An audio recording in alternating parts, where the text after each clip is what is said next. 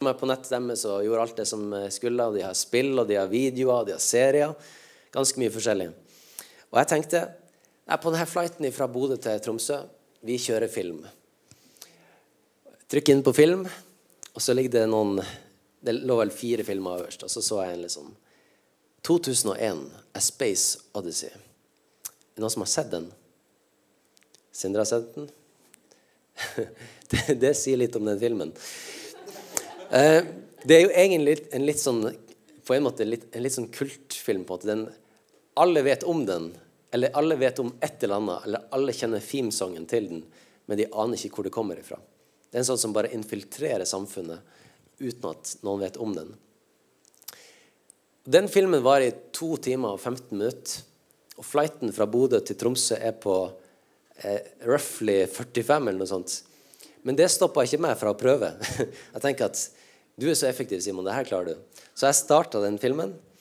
Og nå skal jeg ikke spoile alt, eh, eller spoile de første 45 minuttene som jeg fikk se. da.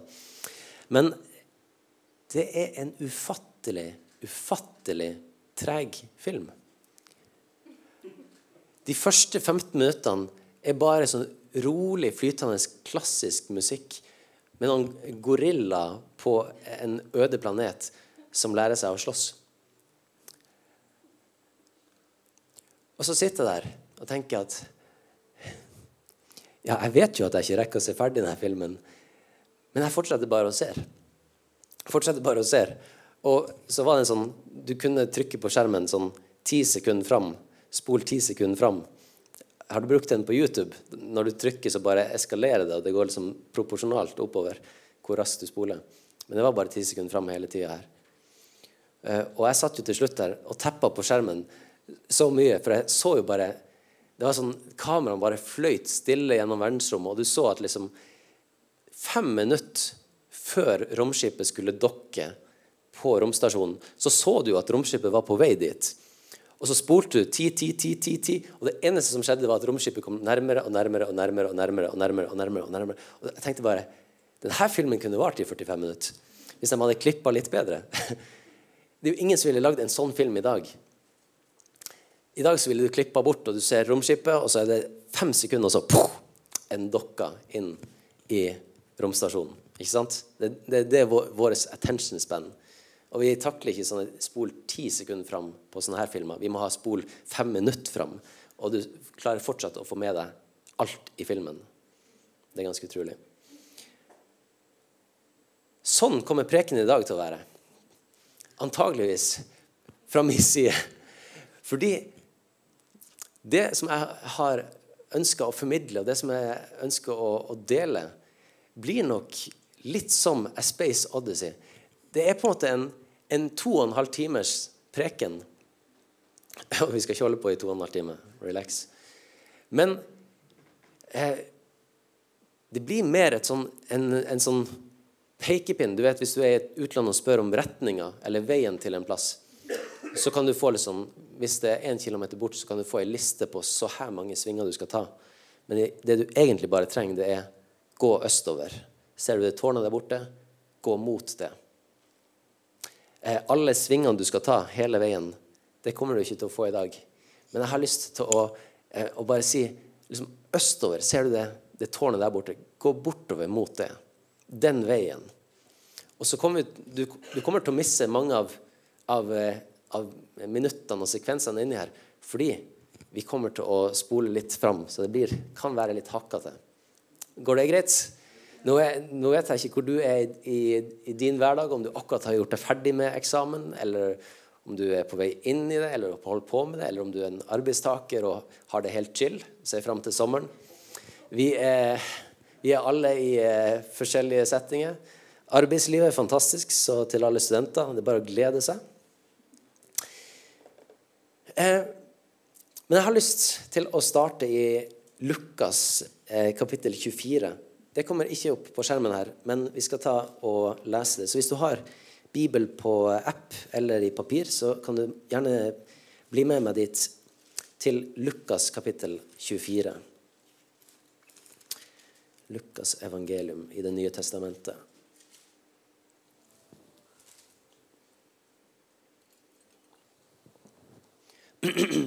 Og der ifra Lukas så skal vi lese i kapittel 24, vers 44.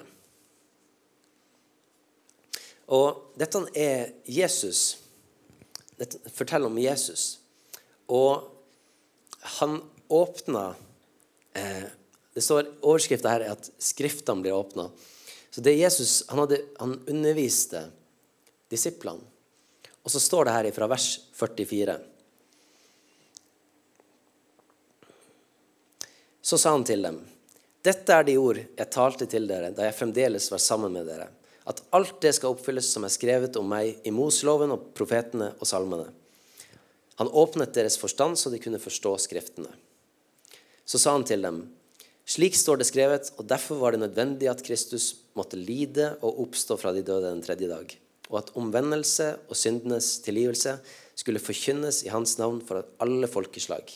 Dere skal begynne i Jerusalem. Dere er vitner om alt dette. Se, jeg sender min fars løfte over dere, men vent i byen Jerusalem til dere blir ikledd kraft fra det høye. Han førte dem ut helt til Betania, og han løftet hendene sine og velsignet dem. Mens han velsignet dem, skjedde det. Han ble skilt fra dem og løftet opp til himmelen. De falt ned og tilba ham og vendte så tilbake til Jerusalem med stor glede. De var stadig i tempelet og priste og lovet Gud. Det vi leser om her, er det som vi eh, markerer på Kristi himmelfart. 40 dager etter påsken så ble Jesus løfta opp til himmelen. Men før det, eh, rett før det så sier Jesus til disiplene Jeg sender min fars løfte over dere, men vent i byen Jerusalem til dere blir ikledd kraft fra det høye. Og hva var det som gjorde at Jesus sa at dere er nødt til å vente?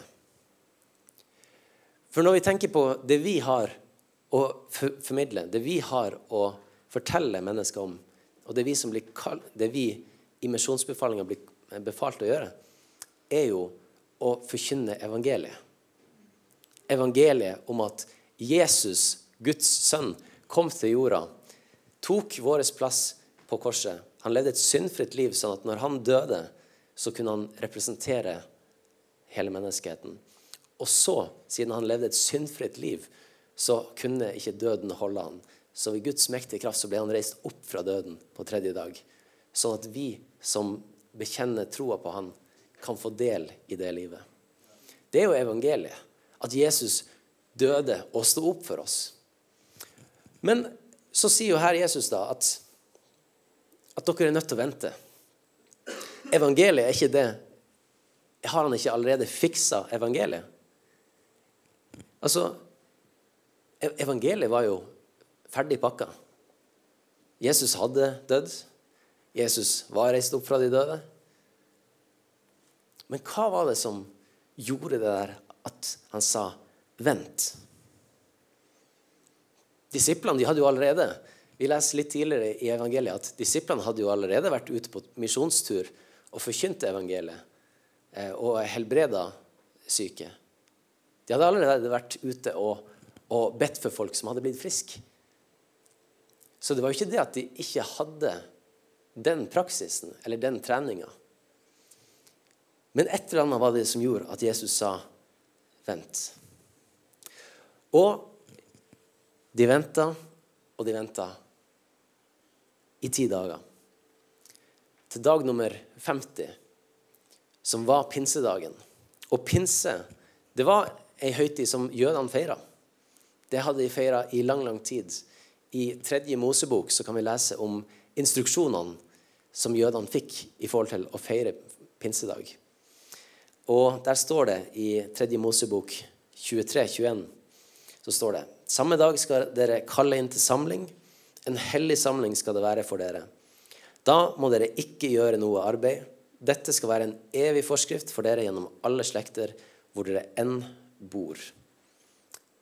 Og så har vi i Norge lagt til eh, dagen etterpå skal også være hellig, for det er andre pinsedag. Og du trenger pause fra hytta eller noe sånt. dette, dette er bakgrunnen for vår Eh, høytidsfeiring. det var at, at jødene feira pinse. Og pinsefeiringa deres var ei feiring av førstegrøden. Den første eh, holdt på å si, responsen. Første innhøstninga. Førstegrøden av deres høst.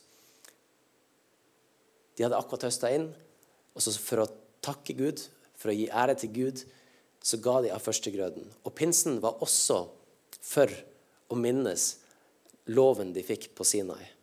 De to tavlene med de ti bud.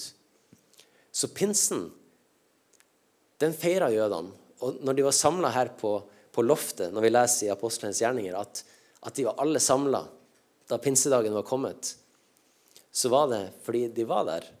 Og antageligvis så mintes de akkurat det her. Pinsedagen. Førstegrøden av høsten.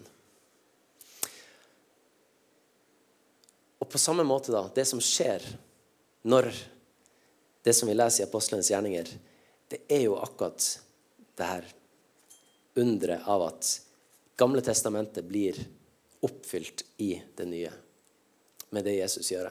Med det Jesus gjør. Mange av de tingene som vi leser om i Gamle testamentet, får jo en ny betydning. Det blir en, et skyggebilde av det nye.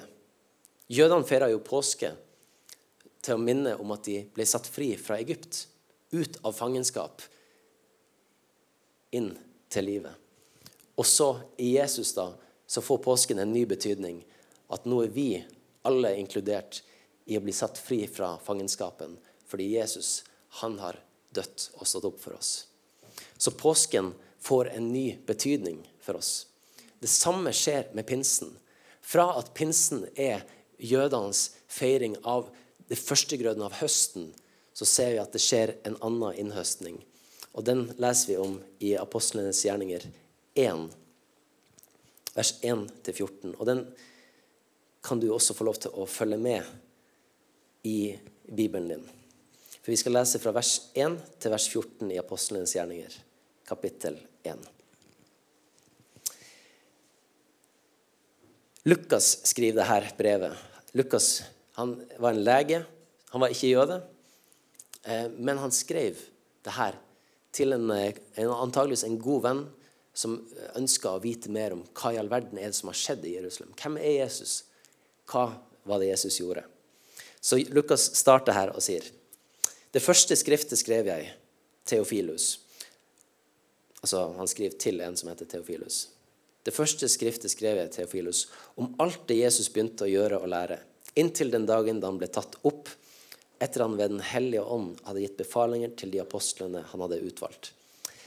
For dem viste han seg også levende etter sin lidelse ved mange sikre bevis. Han ble sett av dem i løpet av 40 dager og talte om de ting som hører Guds rike til. Da han var sammen med dem, befalte han dem å ikke forlate Jerusalem, men vente på Faderens løfte. Det dere har hørt av meg, for Johannes døpte jo med vann, men dere skal bli døpt med Den hellige ånd ikke mange dager heretter. Da de var kommet sammen, spurte de ham, Herre, vil du på den tiden gjenopprette riket for Israel? Jesus svarte, det er ikke deres sak å kjenne tider eller stunder som Faderen har underlagt sin egen myndighet. Men dere skal få kraft når Den hellige ånd kommer over dere, og dere skal være vitner om meg i Jerusalem, i hele Judea og Samaria, og helt til jordens ende. Da han hadde sagt dette, ble han tatt opp mens de så på, og en sky tok ham ut av syne. Mens de stirret opp mot himmelen idet han steg opp, se, da sto to menn hos dem i hvite klær. De sa, galileiske menn, hvorfor står dere og stirrer opp mot himmelen? Den samme Jesus som ble tatt opp fra dere til himmelen, skal komme igjen på samme måte som dere så ham fare opp til himmelen. Da dro de tilbake til Jerusalem fra det fjellet som kalles Oljeberget, i nærheten av Jerusalem, en sabbatsreise derfra. Da de var kommet inn, gikk de opp i den øvre salen hvor de pleide å holde til. Peter, Jakob, Johannes og Andreas, Philip og Thomas, Bartolomeus og Matteus, Jakob, sønn av Alfeus, og Simon Seloten og Judas, sønn av Jakob. Alle disse holdt seg samstemt til bønnen og påkallelsen sammen med noen kvinner og Maria, Jesu mor, og hans brødre.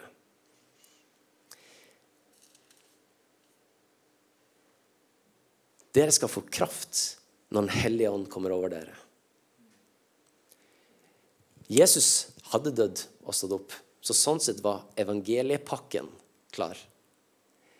Det innholdet som skulle serveres videre i generasjon etter generasjon etter generasjon, og som vi også er formidlere av i dag. At Jesus har betalt for din synd. Du er kjøpt fri hvis du lar han ta regninga di. Vi er alle mennesker som gjør gale ting. Men hvis vi lar Jesus få lov til å ta plassen vår, så vil han sette oss fri fra den synden. Og da, da erklærer han oss som rettferdige. Og det har han makt til å gjøre, og autoritet til å gjøre, siden han levde et syndfritt liv. Så det er egentlig evangeliet. Et veldig, veldig befriende budskap. Evangeliet betyr jo et godt budskap. God nyhet. Så i kirken så forkynner vi et godt budskap. Det er meninga at vi skal være glad av det. Fordi, ikke fordi vi Ikke av bakgrunnen vår, ikke av at vi kan synde eller gjøre gale ting. Men for, på tross av at vi gjør de gale tingene, så har Jesus elska oss så høyt at han ga sitt liv. Men så står det her at, at selv om den pakken egentlig var pakka fint inn i sølvpapir og satt eh, navnelapp og krusedull på, så sier han Men du skal få kraft. Dere skal få kraft når Den hellige ånd kommer over dere. Og dere skal være vitner om meg i Jerusalem, i Judea og Samaria, helt til jordens ende. Så Jesus underviser her om at det er fullbrakt. Det jeg har gjort, det jeg var kommet for å gjøre. Jeg har, jeg har pakka evangeliet ferdig. Jeg har gjort det jeg var kommet til å gjøre. Det som Far i himmelen sendte meg ned til jorda for å gjøre, det er fullbrakt. Men før du knyter på deg skoene tar med deg evangeliet og leverer det videre, så skal du vente, for du skal få et eller annet som du kan få lov til å være en bærer av når du går ut med evangeliet. Du skal få kraft når Den hellige ånd kommer over deg. Kraft til å være et vitne om Jesus. Kraft til å være en bærer av evangeliet. Og bli med meg til Apostelens gjerninger 2, vers 37-38. Da hopper jeg kanskje litt. Det blir akkurat som 2001 eh, A Space Odyssey på Widerøe på vei fra Bodø til Tromsø. Du, du må bare henge med. Vi skal ikke gå helt til 37-38, egentlig. Vi spoler litt tilbake til kapittel 2, vers 1. Og La oss bare lese det her, for dette er det som skjer på pinsedagen. Da pinsedagen var kommet, så var de alle samla på samme sted med samstemt sinn. Kapittel 2, vers 1. Plutselig kom det en lyd fra himmelen som av en mektig stormvind, og den fylte hele huset der de satt. Så viste det seg delte tunger for dem, som av ild, og de satte seg på hver enkelt av dem. De ble alle fylt med Den hellige ånd og begynte å tale i andre tunger, ettersom ånden ga dem å tale i pinsefeiringa her i Jerusalem så var det jo mye folk, akkurat som under påsken. Fordi folk samla seg i den hellige byen Jerusalem for å markere de her høytidene. Og når det her skjer, da, at de får Den hellige ånd, og de begynner å tale i andre språk eh, Og i hvert fall jeg tror det er 13 språk som blir nevnt, at de konkret snakker. 13 gjenkjennbare språk som folk fra andre deler av verden har kommet inn til Jerusalem, de hører sitt eget språk. Det er et, et språkunder som vi ikke kan forklare på en logisk måte. Mennesker som ikke kan et språk, men som i leda av Den hellige ånd snakker et annet språk. Men de var jo ganske mange samla her. De var eh, antageligvis rundt 120 ja, det står Til sammen var det omkring 120 samla. Og da er det naturlig å tenke seg at, at, det må ha vært kanskje også en del språk som ikke ble gjenkjent. Det står at alle sammen de ble fylt, og de begynte å tale ettersom ånden ga dem. Så her er i hvert fall 13 språk som blir, blir gjenkjent. Og eh, kanskje var det også en del andre. Men de ble i hvert fall fylt med Den hellige ånd Og da begynte de å tale i andre språk. En del gjenkjennbare, og kanskje også en del som ikke ble gjenkjent. Ettersom ånden ga dem å tale. Folkene reagerer jo med å tro at de er full, for det her er klokka ni på morgenen, og det, det høres merkelig ut. Eh, de, de, ser antageligvis ganske happy og, og eh, kanskje litt crazy ut også. Jeg vet ikke, Hvis du klokka ni på morgenen i Storgata møter 120 stykk som står og snakker på språk de ikke kan, eh, da vil du tro at OK, hvor du har vært hen? Ja, du var, ja, du var der oppe på loftet, ja. Mm, ja, nettopp. Men så kommer jo da Peter. Peter som har vært opp og ned. Han har fulgt Jesus, og så har han fornekta Jesus. og så har han vært sint, og så har han vært lei, og så har han vært alt mulig. Han reiser seg opp og underviser dem om at dette er jo det som profeten Joel for mange, mange år siden fortalte at skulle skje.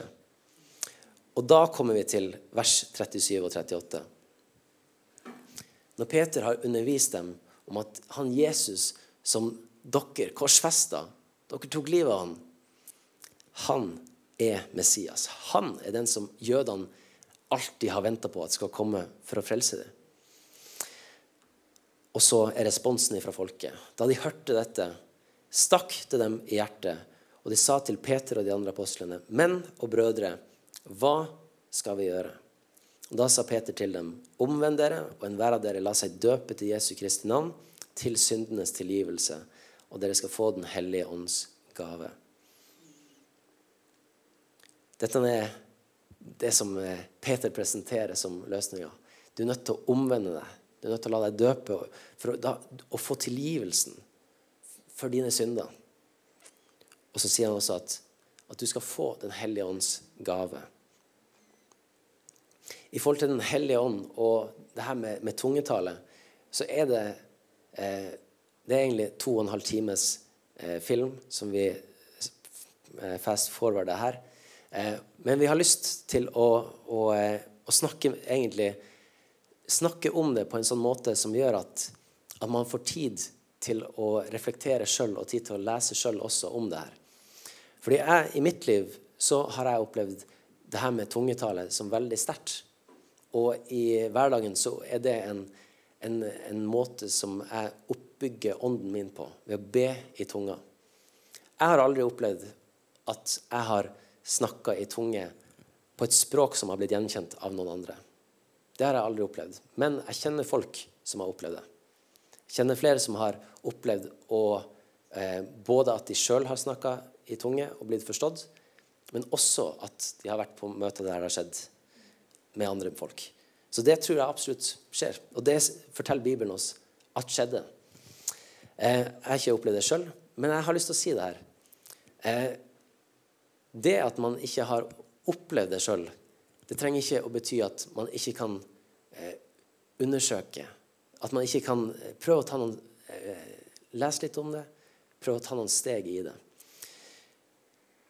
Og du vet pinsedag, pinsebevegelsen, pinsekirke, pinse, pentekost Det er noe som kan eh, For en del så kan det på en måte virke litt sånn eh, fjernt og kanskje litt fremmed. Om man tenker pinsebevegelsen, ja, det er alle de i kirken som er medlem av pinsebevegelsen. Og alle som ikke er medlem av pinsebevegelsen, er ikke pinsekirke. Og eh, jeg hadde, fikk lov til å komme på en videregående skole her i byen og snakke litt om frikirke og litt eh, kirkehistorie, egentlig. Og det gjorde meg veldig trigga på det her med at vi er nødt til å forstå mer av vår historie hver enkelt kristen bør egentlig forstå mer av kristendommens historie enn vi gjør per i dag. Inkludert meg sjøl. For jeg sto der i klasserommet og raste gjennom 2000 års kirkehistorie. Og jeg så elevene, de bare det her, det her har ingen sagt til oss før. Og så tenkte jeg ok, hvis ingen har sagt det her til deg før, du har bare hørt om Martin Luther og reformasjonen 15, på 1500-tallet. Det er det du kan om kristendom. Så har vi, da har vi en liten jobb å gjøre med å forklare hva er det som gjør at det finnes så mange kirker. Noen som har et godt svar? Hva er det som gjør at vi har forskjellige kirkesamfunn? Hva er det som gjør at vi har forskjellige kirker i samme by som tilhører samme kirkesamfunn? Hvorfor har du to pinsekirker i samme by? Hvorfor har du en pinsekirke og en metodistkirke? Til syvende og sist, når vi ser i historien, så er det personlige møter. Gjenoppdagelser av bibelske sannheter. Gjenoppdagelser av det livet som Jesus og de første disiplene levde og hadde og erfarte. Det er jo det som gjør at det har vokst fram forskjellige kirkesamfunn. Og I dag så kan vi tenke at ja, vi kan jo melde oss inn og ut av en pinsebevegelse, inn og ut av en metodist. Vet du hva? Dette livet er ikke et organisasjonsliv. Du kan være medlem av pinsebevegelsen og være så lite pinsekirke det går an, fordi du har glemt av hvor det egentlig starta. Og det samme gjelder oss som OKS. OKS har ikke fryktelig lang historie i seg sjøl. OKS ble starta i 1985. Men vi er en del av den bevegelsen fra pinsetida, 1900-tallet. Og det var jo, Pinsebevegelsen starta ikke som en splittelse. Pinsebevegelsen starta som en gjenoppdagelse av Den hellige ånd. At Den hellige ånd faktisk tar bolig i oss og ønsker at vi skal få lov til å leve et liv med den. Og det var ikke første gang. Det var ikke første pinsebevegelse. På 1100-tallet så var det ei gruppe som heter valdenserne, som hadde akkurat det samme. De gjenoppdaga Den hellige ånd. Og det var tungetale, eh, og det var bønn for syke, helbredelser. Og under mirakler som ble gjort på 1100-tallet Forskjellen var at de ble hengt, gravd ned, brent og delt i tre for det. Det slipper vi i dag. Du er heldig. Ganske, når du ser i kirkehistorien, det er ganske mange av de som har tatt de valgene som vi har gjort, som har blitt hengt for det. De har blitt det, det er på en måte jeg skal Det er litt Det er artig på en utrolig Hva det heter ja, Jeg kommer ikke på ordet. Det er ikke artig, men for oss å tenke tilbake til, så blir det litt sånn komisk. John Wycliffe, som oversatte den latinske bibelen til engelsk og gjorde eh, Bibelen tilgjengelig for folk flest, han ble fordømt som en kjetter på 1300-tallet. Han ble drept. Og en god del år senere så fant de ut at det holdt ikke. Så de gravde han opp, gravde opp restene av han, og så brant de han mange år etter at han var begravd og drept. Dette er det, type det, dette, De folkene som har gått foran. Så når vi i dag eh, på en måte prøver å finne vår vei, liksom, hvordan kirke skal jeg tilhøre, så må vi huske på at vet du hva? mange mennesker har betalt med livet sitt for at vi skal kunne få lov til å leve i noen oppdagelser som har gått tapt på 300-400-tallet, når kristendommen ble statskuppa av romerne, eh, og det ble mye umoral i kirken, så stakk folk ut i kloster fordi de, det var så umoralsk, og det var politisk agenda i kirka.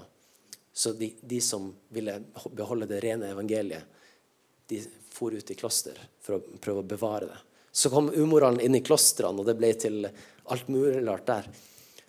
Så det var igjen nye bevegelser. Dette er alt en del av vår historie. Dette er en del av der vi er i dag.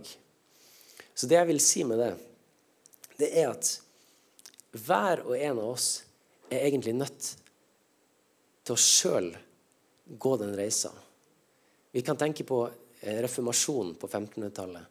At det var en, en, en, bra organisatorisk splittelse mellom den katolske og den protestantiske kirke.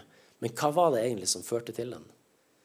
Det var mange, mange mennesker som kjente på en sterk overbevisning om at veien som kirka går nå, det er bort ifra Gud.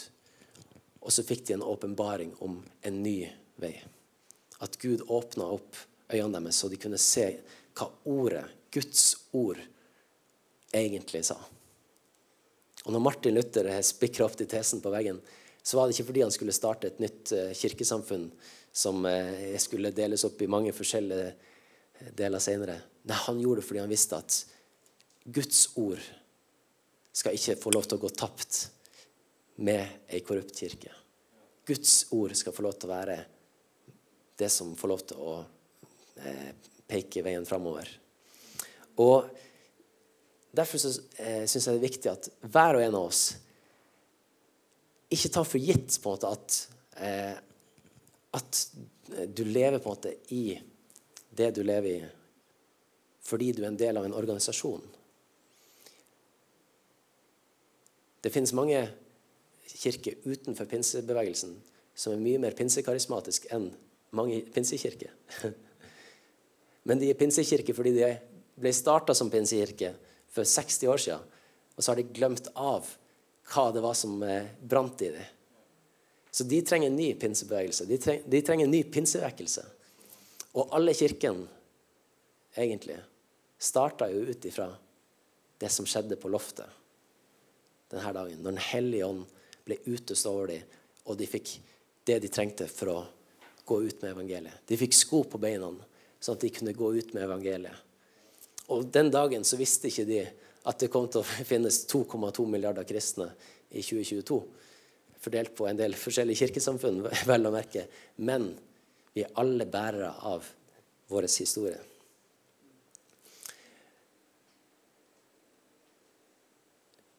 Så det er lov, og det er bra å gjøre teologiske reiser i sitt eget liv. Den dagen vi slutter å bry oss om teologi, den dagen vi slutter å bry oss om innholdet i troa vår, da er vi på avveier. For det må, det må, leve ferskt i oss. Det må leve, leve i oss. Kom an. Fordi altså, vi kan eh, En kirke er jo summen På en måte er vi summen av det, vi, det livet som vi lever. Hvis vi er barmhjertige, hvis eh, Jon Harald er barmhjertig, Sindre er barmhjertig, Marie er barmhjertig, vi alle sammen er barmhjertige, så er vi per definisjon en barmhjertig kirke. Fordi vi utgjør dette fellesskapet sammen. Så hver og en av oss har også et eh, personlig ansvar for vår tro, for å gå vår vei og finne ut av ting. Og det fine er at vi trenger ikke starte nye kirkesamfunn, vi trenger ikke starte nye kirker. Det er bevegelse. Og eh, når vi undersøker ting, når vi gjenoppdager ting, så kan vi få lov til å være med på en bevegelse. Og jeg tror at kirka, altså OKS i 2022, den ser ikke nødvendigvis ut som OKS i 2030. Fordi alle kirker har bevegelser. Og det er fordi vi bruker tid i ordet, og vi gjenoppdager ting, og vi ser at Oi, veien vi har gått her, den var ikke så bra. Vi er nødt til å eh, bevege oss mer mot denne veien. Er vi med på tanken? OK. Yes. Vi nærmer oss Tromsø. Widerøe har eh, skrudd av entertainmentsystemet sitt. Men som sagt, dette var ikke en detaljert veibeskrivelse. Sving til høyre om 100 meter, ta deretter til venstre, inn på hovedveien, og så til rundkjøring og tredje avkjøring. Men i dag så blir det litt mer sånn østover. ikke at vi skal mot Østkirka og den katolske. Det var ikke ment som det. Men mer en sånn Den veien. Og så får du ta med deg det som du eh, får ut av det her. Og så tror jeg det kommer til å bli ganske bra når vi sammen snakker om det, når vi sammen diskuterer det, og vi bruker tid sammen i Guds ord. Men la oss se i Apostlenes gjerninger 4, vers 29-31. For her har Peter og Johannes respondert på at de fikk Den hellige ånd så de har vært ute, og de har eh, I kapittel 3 så har Peter og Johannes vært frimodige og fått en mann helbreda ved Guds kraft. Ikke gull og sølv. Det hadde de ikke. De hadde ikke penger gitt han, men det de hadde, det ga de han. I Jesu Kristi navn, Nazarenes navn, stå opp og gå, sa de. De ble dratt inn foran eh, Eh, de ble arrestert og skulle stå og forsvare seg. Og når de har eh, forsvart seg og, og talt, så får de et forbud mot å forkynne Jesus videre. Og de, frimodige som de er, så sier, jeg, så sier de at eh, om det er rett overfor Gud å lyde dere mer enn Gud, kan dere sjøl dømme om. For vi kan ikke annet enn å tale om det som vi har sett og hørt. Så Peter og Johannes de de er frimodige.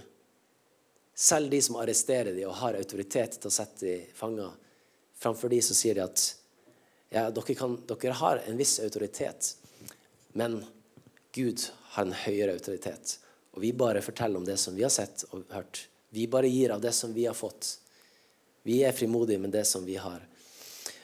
Og når de da blir sluppet fri, så ber de denne bønnen. Det står at eh, i vers 23 da de var løslatt, gikk de til sine egne og fortalte alt som var sagt. Og så ber de sammen. De løfta sin røst til Gud og sa Og så kommer vi ned til vers 29. Så ber de. Nå, Herre, legg merke til truslene deres, og gi dine tjenere La dine tjenere tale ditt ord med frimodighet. Rekk ut din hånd, så det skjer helbredelser og tegn og under ved navnet til Jesus, din hellige tjener. Da de hadde bedt, skalv stedet der de var samlet. De ble alle fylt av Den hellige ånd og talte Guds ord med frimodighet. Og det er det Den hellige ånd gjør i oss. Han gir oss frimodighet. Han gir oss sko til å gå ut med evangeliet. Og min, min bønn, det er det her at, at dette skal være vår bønn i dag. At vi kan få lov til å, å, å komme fram for Gud og si Gud, samfunnet rundt oss Vi blir ikke fengsla på den måten her, men vi kan bli fengsla og, og knebla på andre måter. Men kan ikke du, Gud, ta deg av det? Og så kan, kan vi få lov til å bare være frimodige med det som du har gitt oss. Jeg tror det er viktig at vi er våken politisk og engasjert i det. Men, men det er evangeliet vi har å gå med. Først og fremst. Som kristne så er vi, før vi er kalt til å være eh, engasjert i det politiske, før vi er engasjert i eh, diakonale ting, før vi er engasjert i alt mulig slags arbeid og arbeidsplasser, så er vi kalt til å være Guds barn og vitner om Jesus. Og det er min bønn for oss som kirke også, at vi skal få lov til å erfare det at, at Gud tar seg av de truslene som er. Alt det som, som er eh, potensielt skremmende. At Gud skal få ta hånd om det, og at vi skal få lov til å gå fram frimodig med det som vi har. Og at Gud skal få lov til å gjøre flere tegn og under iblant oss. Jeg er overbevist om at, om at eh, den dagen vi er frimodige nok til å be om helbredelser og tegn og under, og Gud svarer dem, så vil det åpne dører for evangeliet på en helt annen måte enn det vi ser i dag. Ofte så kan vi føle at vi jobber imot en intellektuell mur. Og det nytter ikke, uansett hvor mye vi forsvarer Guds ord med apologetikk og, og trosforsvar. Vi kan, vi kan, komme med så mange argumenter, men til syvende og sist så møter vi bare en blokade fordi de egentlig ikke er interessert. Men den dagen Gud rekker ut sin hånd til å helbrede, og tegn og under skjer ved din hellige tjener Jesu navn, den dagen så brytes de murene ned. Og evangeliet kan få lov til å gå rett inn i hjertene deres. Dette skjer i, i, en god del andre deler i verden. I Norge og Vesten så er vi litt mer forsiktige på disse tingene. Men jeg tror at vi kan bli så forsiktige at vi til slutt sitter igjen med at vi bare har skoene knytta på oss og evangeliet i handa. Og så er vi frimodige akkurat her vi står. Men så, men så kommer vi oss ingen vei.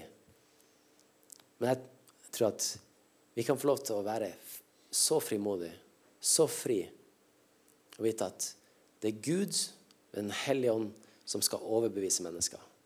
Vi er de som overleverer pakken. Vi er vitner om Jesus, om det som vi har sett og opplevd. Vi kan ikke la være å, å fortelle om det vi har sett og hørt. Det er ikke Peter og Johannes som har mekka sammen evangeliet. De har sett, og de har hørt, og de får lov til å servere og være vitner om det som Jesus har gjort. Og det er evangeliet i, som vi er bærere av. Først og fremst et frigjørende budskap. At vi kan få lov til å være bærere av Guds nåde til mennesker. Og så kan vi gå oss fullstendig bort i teologiske hjørner. Og vi kan være så eh, opptatt av forskjellige eh, teknikaliteter og eh, ett vers her og ett vers der. Og så tror jeg det er viktig å være teologisk reflektert. Og det er viktig å, å lese Guds ord og bruke tid med det. Og la det få lov til å jobbe i oss, fordi det er Guds ord som skal fylle hjertene våre.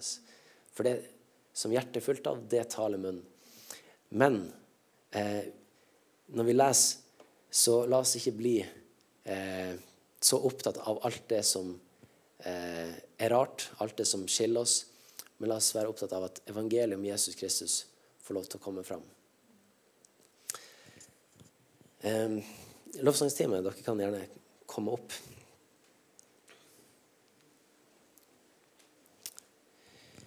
Så pinsebudskapet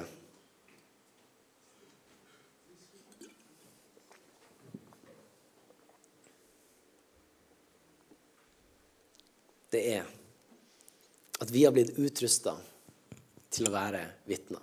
Vi har blitt utrusta til å være bærere av evangeliet. Og På samme måten som førstegrøden ble samla inn og ble gitt om, til minne om loven som ble gitt på tavlen, så er pinsen i dag til minne om at loven nå er skrevet i hjertene våre. Vi har ikke noe steintavle med, med ti bud på, men loven, Kristi lov, den er skrevet på våre hjerter. At vi skal elske hverandre sånn som Jesus har elska oss. Og han ga sitt liv for oss.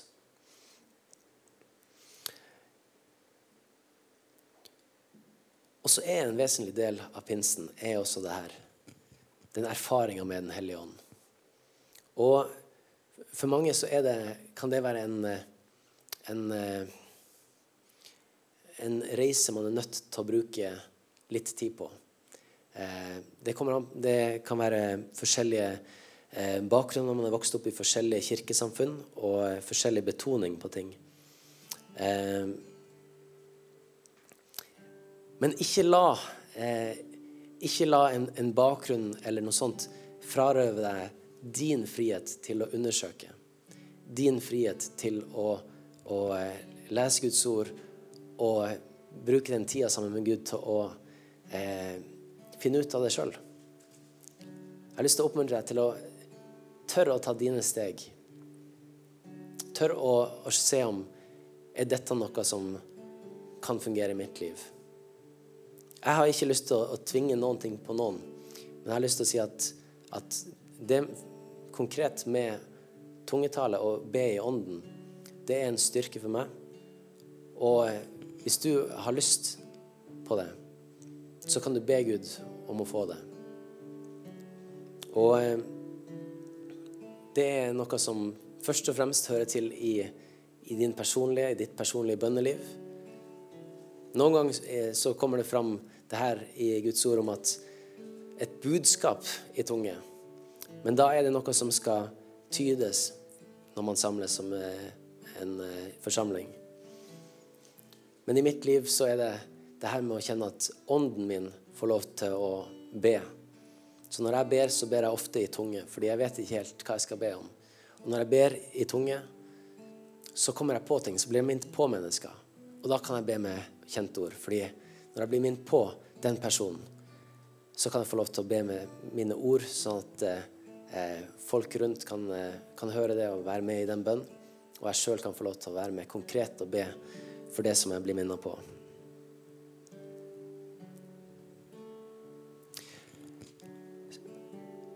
Vi skal ta tid nå til å bare lovsynge.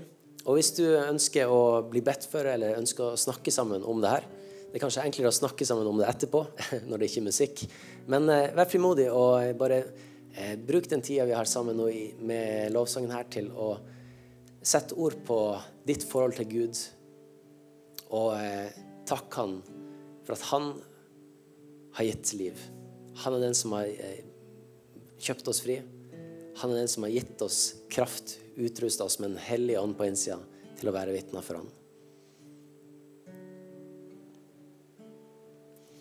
Jeg kommer til å stå på sida bak der hvis du ønsker å bli bedt for nå. Og det kan være helt konkret om du ønsker å, å ta noen steg i forhold til det med, med tungetall eller, eller bønn i ånd. Eller det kan være helt andre ting.